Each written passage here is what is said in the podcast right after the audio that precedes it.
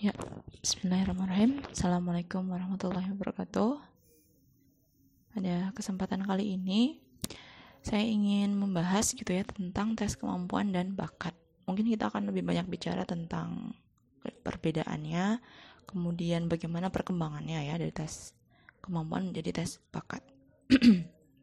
Baik, uh, pada awalnya tes kemampuan ini secara secara apa ya umum di awal-awal itu memang dikatakan sebagai tes intelijensi seperti itu.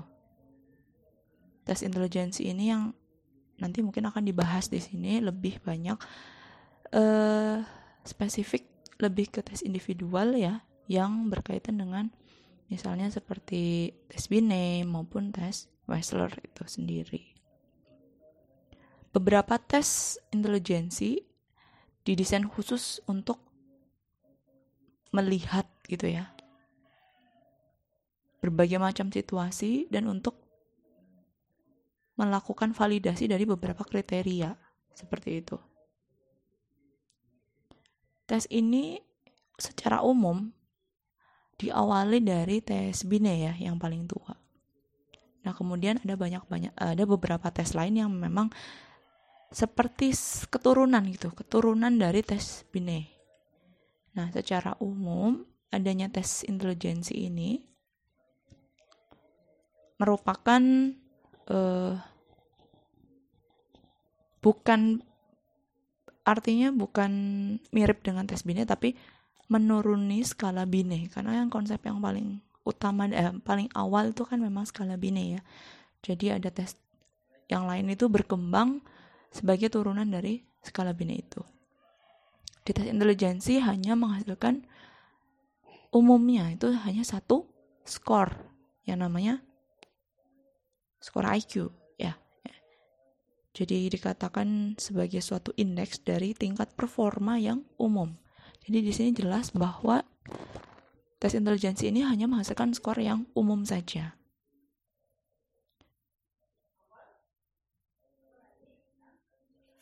Nah, karena tes ini juga sering kali untuk diukur ya, eh sorry, untuk mengukur yang namanya prestasi akademik, makanya disebut juga dengan scholastic aptitude, bakat skolastik atau intelijensi akademik.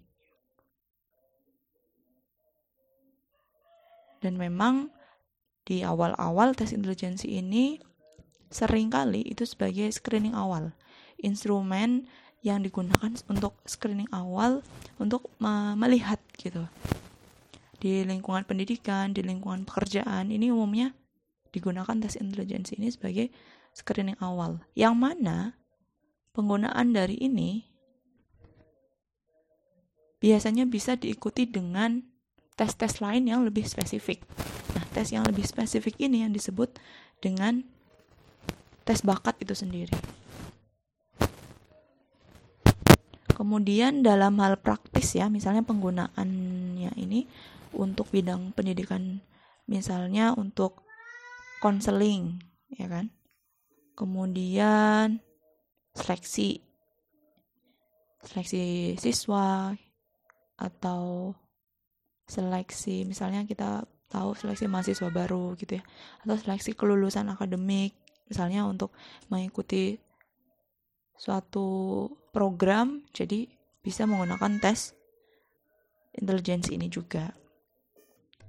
Di bidang pekerjaan juga ada ya seleksi karyawan karyawan baru misalnya seleksi uh, orang yang mengikuti program tertentu kalau di pendidikan ada yang namanya seleksi beasiswa misalnya. Kalau di pekerjaan ada yang misalnya seleksi promosi jabatan seperti itu atau yang naik tingkat misalnya dari staf biasa mau ke jajaran yang lebih tinggi seperti manajer, supervisor seperti itu. Ya, bidang pendidikan dan PIO ini emang agak mirip ya. Kita sama-sama me tanda kutip ya mengurus SDM yang normal, yang memang dilihat gitu. Apa sih kemampuannya kelebihannya itu seperti apa? Tapi yang berbeda lebih ke tujuannya dan konteks. Misalnya konteks pendidikan ya sekolah, kemudian konteks pekerjaan yang perusahaan, tujuan perusahaan kan lebih ke profit misalnya. Untuk bagaimana supaya perusahaan itu produktif dengan SDM yang dimilikinya misalnya kayak gitu.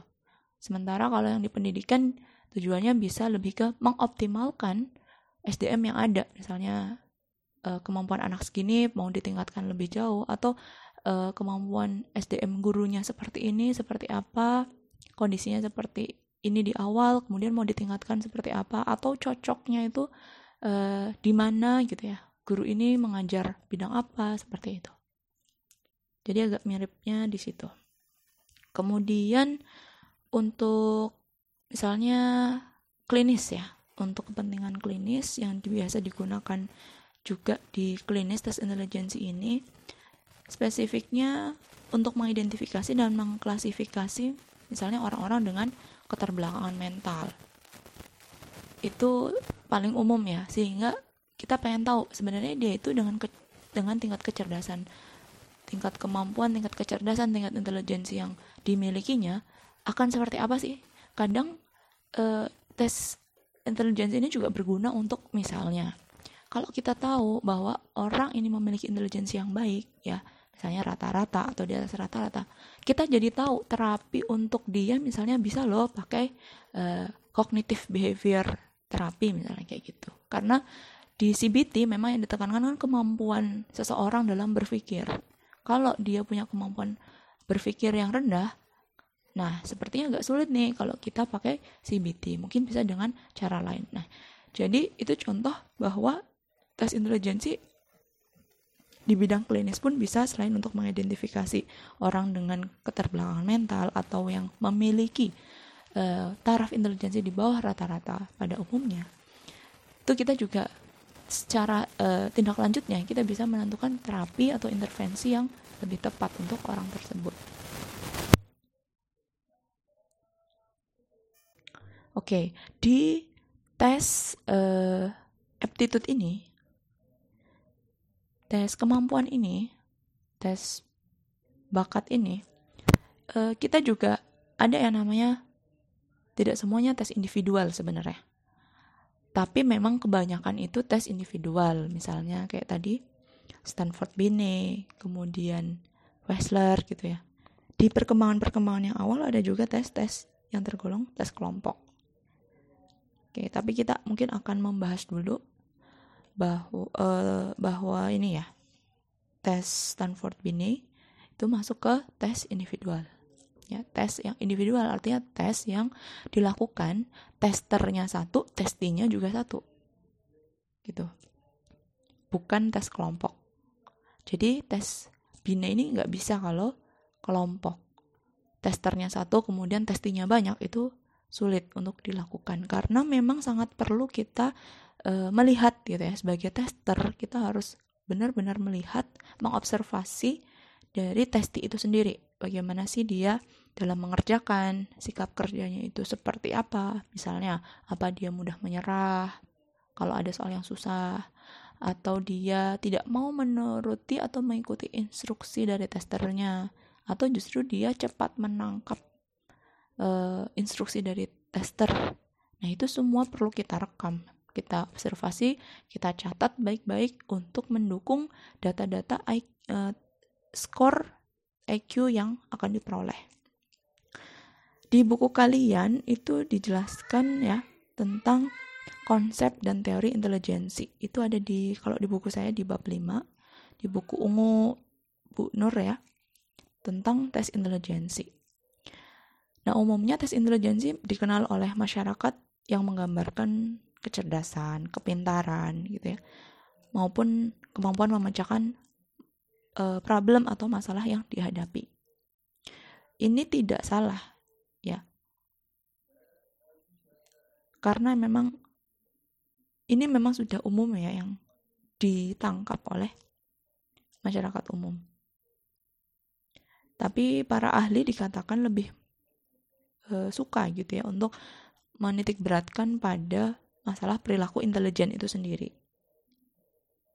Tanda-tandanya apa sih orang yang punya intelijensi yang tinggi? Misalnya dia punya kemampuan untuk memahami dan menyeleksi problem mental itu dengan cepat. Artinya, misalnya dalam pengambilan keputusan, orang yang punya intelijensi tinggi akan cenderung mengambil keputusan secara tepat dan cepat. Kadang dia tidak perlu banyak mempertimbangkan satu hal, tidak terlalu bingung dalam bersikap ini harus seperti apa, seperti itu. Kira-kira ya.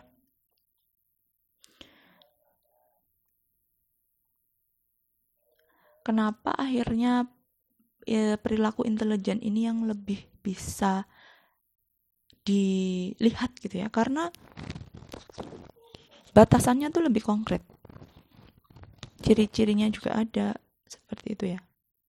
Tadi punya kemampuan untuk memahami dan menyelesaikan problem. Itu kan berarti terlihat ya ciri-cirinya. Daripada kita hanya mengatakan, oh dia anaknya pinter loh, loh dia anaknya cerdas loh. Terus gimana sih cara kita bisa tahu kalau dia tuh anaknya cerdas, pintar, dan punya intelijensi yang tinggi kayak gitu. Itu yang pertama tadi memahami dan menyelesaikan problem. Yang kedua, kemampuan mengingat.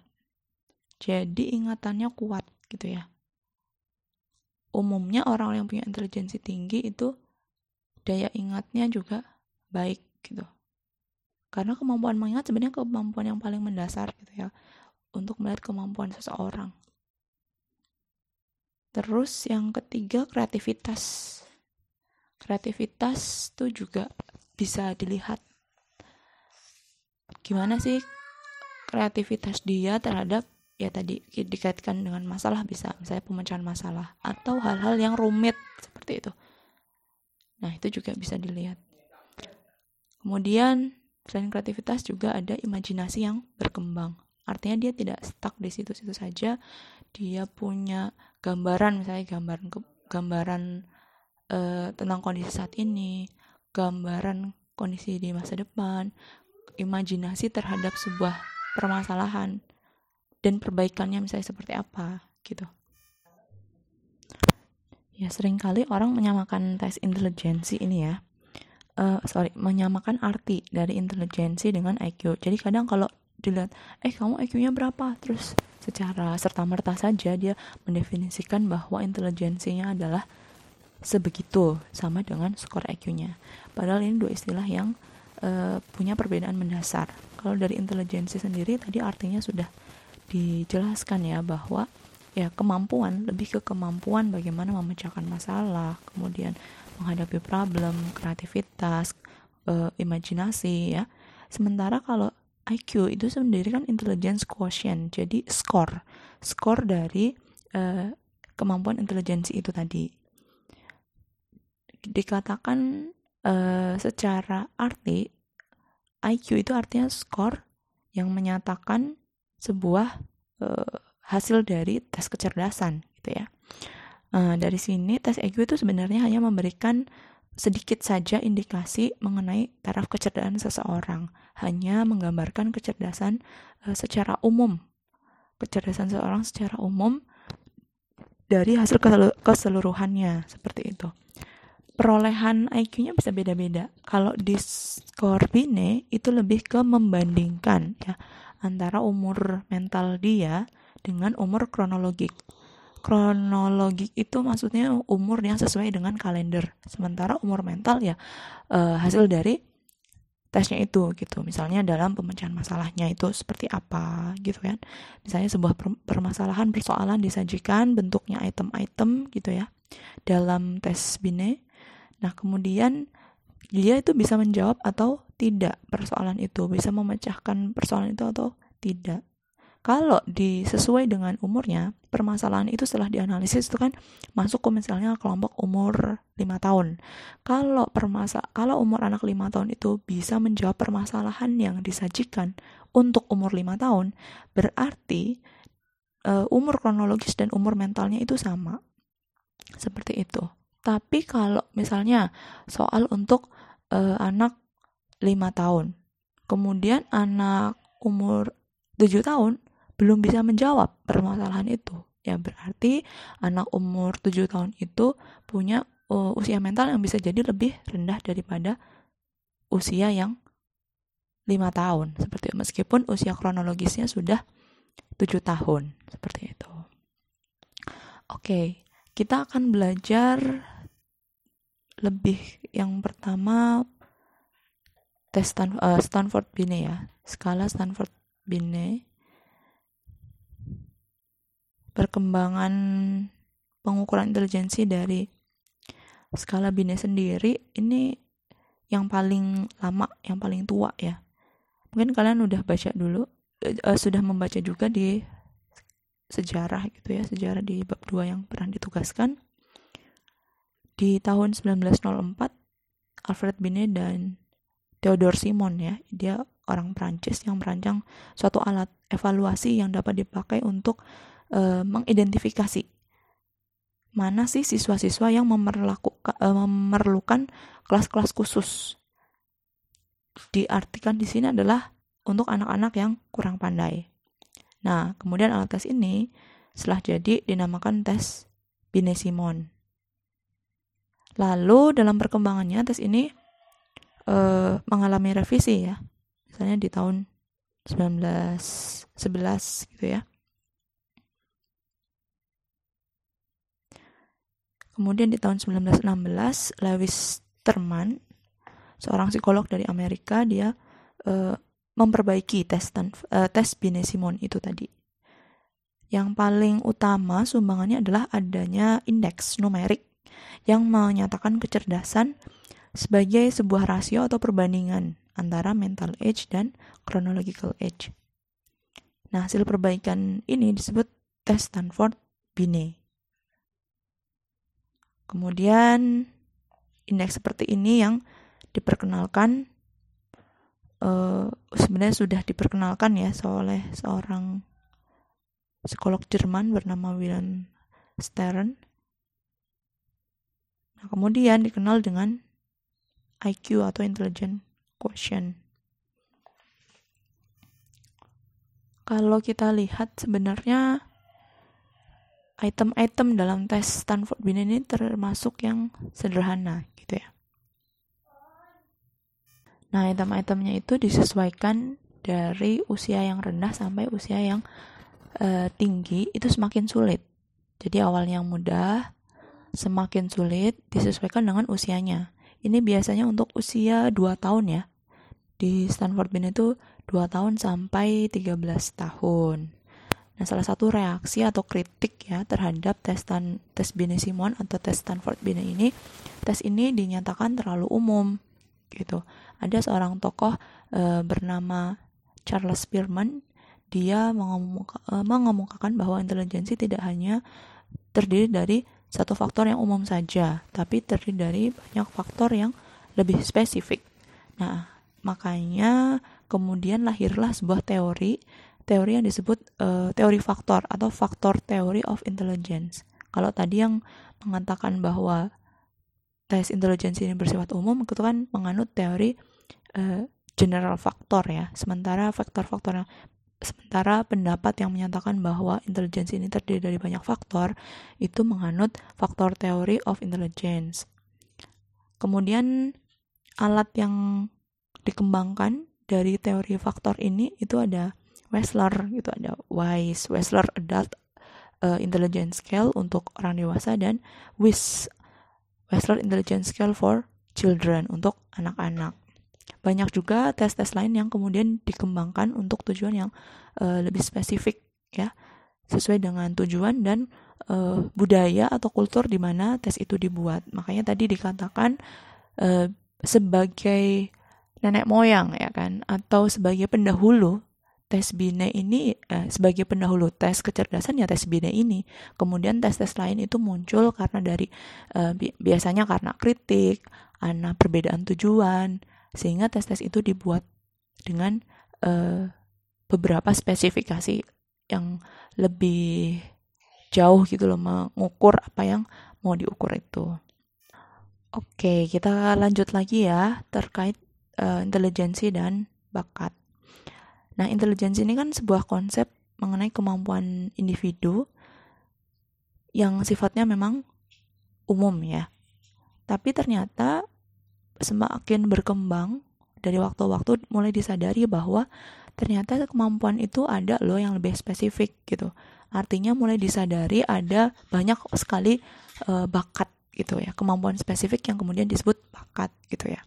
Kesadaran bahwa IQ hanya mengukur suatu pengukuran yang global dari perkembangan kognitif individu itu ternyata tidak cukup gitu ya tanda kutip tidak cukup menggambarkan bagaimana sih kemampuan uh, spesifik dari individu itu. Ada banyak variasi dalam uh, seseorang dalam individu berdasarkan hasil tes intelijensi yang umum tadi. Adanya kesadaran yang bertambah bahwa tes intelijensi yang umum ini kenapa ya sepertinya kurang menggambarkan gitu ya kurang uh, menggambarkan atau kurang mengukur area-area tertentu gitu ya dari kemampuan seseorang sehingga hal ini yang kemudian melahirkan yang namanya tes tes bakat adanya tes bakat adanya tes bakat ini uh, diharapkan gitu ya bisa membuka gitu, menyingkap kemampuan khusus yang dimiliki oleh individu. Jadi bukan hanya kemampuan umumnya saja yang terlihat, tapi kemampuan khususnya juga terlihat. Terlebih untuk saat ini ada banyak eh, perkembangan yang mengarah pada karir seseorang.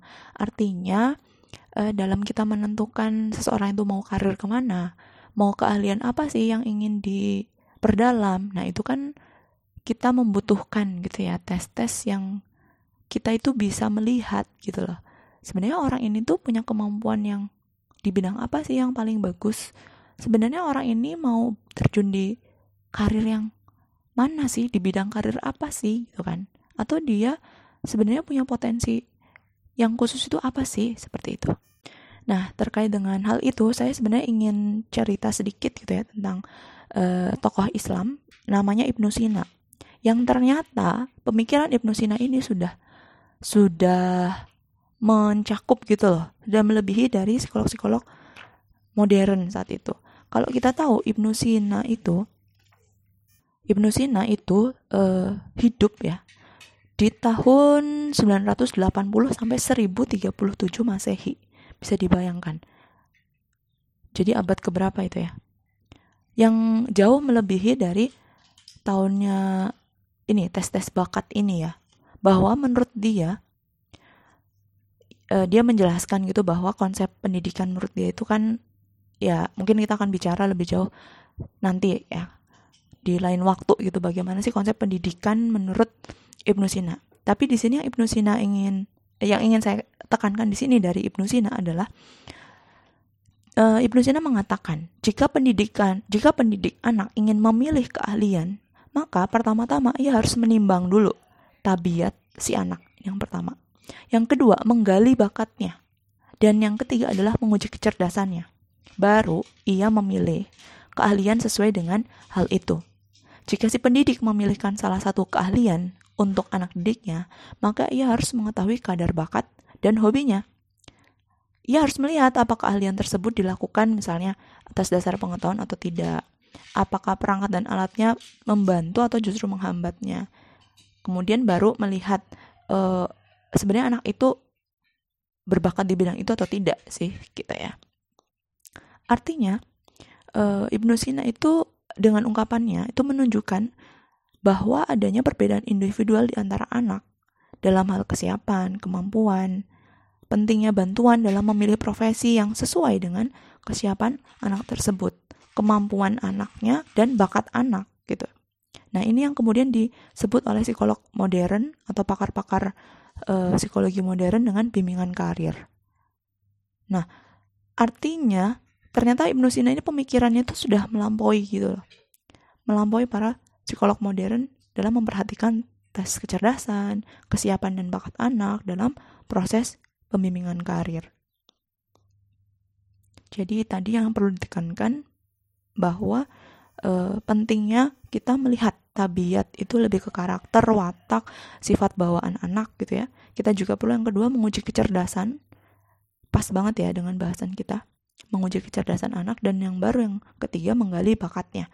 Karena bakat itu memang lebih ke area spesifik dari dari sekedar tes kecerdasan anaknya. Memang di zaman itu yang disayangkan Ibnu Sina belum menjelaskan metode-metode yang dapat digunakan untuk mencapai tujuan tersebut. Nah, sekarang kan kita sudah mempelajarinya ya. Seperti itu. Yang saya ingin tekankan ya tadi bahwa pemikiran ini oleh tokoh Islam itu sudah sudah ada sebelumnya atau jangan-jangan mereka yang mempelajari pemikiran Ibnu Sina ini yang kemudian mengembangkan pemikiran seperti itu.